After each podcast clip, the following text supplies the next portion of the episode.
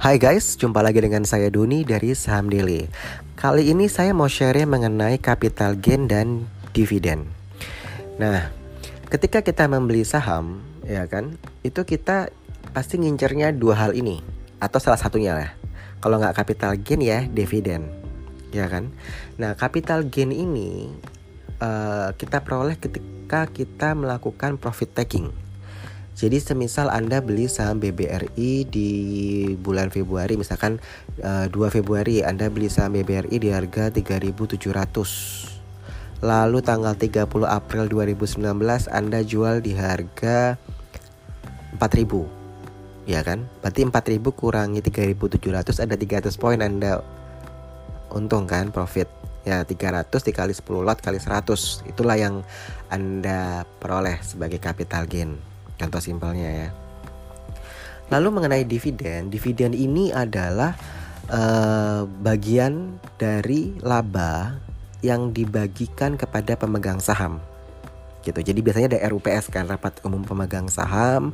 Nanti RUPS itu uh, memutuskan bahwa hasilnya memutuskan oh kita akan bagikan dividen uh, misalkan 50 rupiah per lembar saham misalkan seperti itu.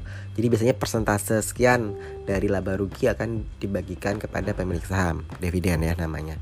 Jadi tadi Anda ambil contoh Anda beli di bulan Februari saham BBRI 3700. Anda keep atau Anda hold, Anda nggak jual-jual sampai tahun 2025. Ya kan? Nah, pada tahun 2020 misalkan uh, di bulan Mei uh, eh, BBRI announce nih bahwa kita akan membagikan uh, dividen kepada pemegang saham misalkan uh, eh, 100 rupiah per lembar saham gitu ya. Ya udah karena anda masih hold kan anda belum jual nanti anda ketika cam date-nya jadi ketika cam date yang dia putusin itu misalkan cam date-nya oh diputusin misalkan 1 Juni misalkan gitu. Ya udah as per 1 Juni selama anda masih pegang itu saham uh, taruhlah anda dia punya 10 lot ya. 10 lot dikali 100 rupiah ya kan?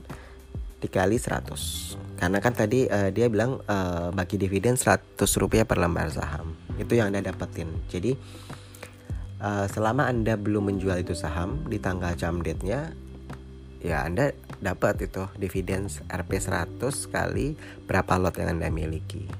Ya seperti itu Nah terus kalau lo capital gainnya saya dapat kapan? Nanti kalau anda jual ya kan? Misalkan anda sudah dapat di bulan Mei 2002 uh, eh, bulan Juni biasanya mungkin dia uh, tunainya akan dibayarin misalkan oh, akhir Juni misalkan. Ya udah misalkan uh, anda mau jual di bulan Agustus ya anda dapat uh, capital gain. Selama itu anda jualnya harga jual lebih tinggi daripada harga beli. Seperti itu. Jadi memang uh, ketika kita jadi investor ataupun trader yang diincar ya capital gain dan dividen seperti itu. Jadi kalau investor ya biasanya emang dia uh, menitik beratkan pada saham-saham yang kinerjanya bagus, yang rutin uh, membagikan dividen ya, konsisten setiap tahun dia bagi dividen gitu ya. Jadi revenue bagus, uh, labanya bagus, selalu meningkat seperti itu. Dan dia selalu bagi dividen rutin dan konsisten setiap tahun. Jadi kalau anda memang uh, serius ingin invest di saham ya pilih saham-saham yang rutin membagikan dividen ya. Seperti itu. Oke saya Doni dari saham daily out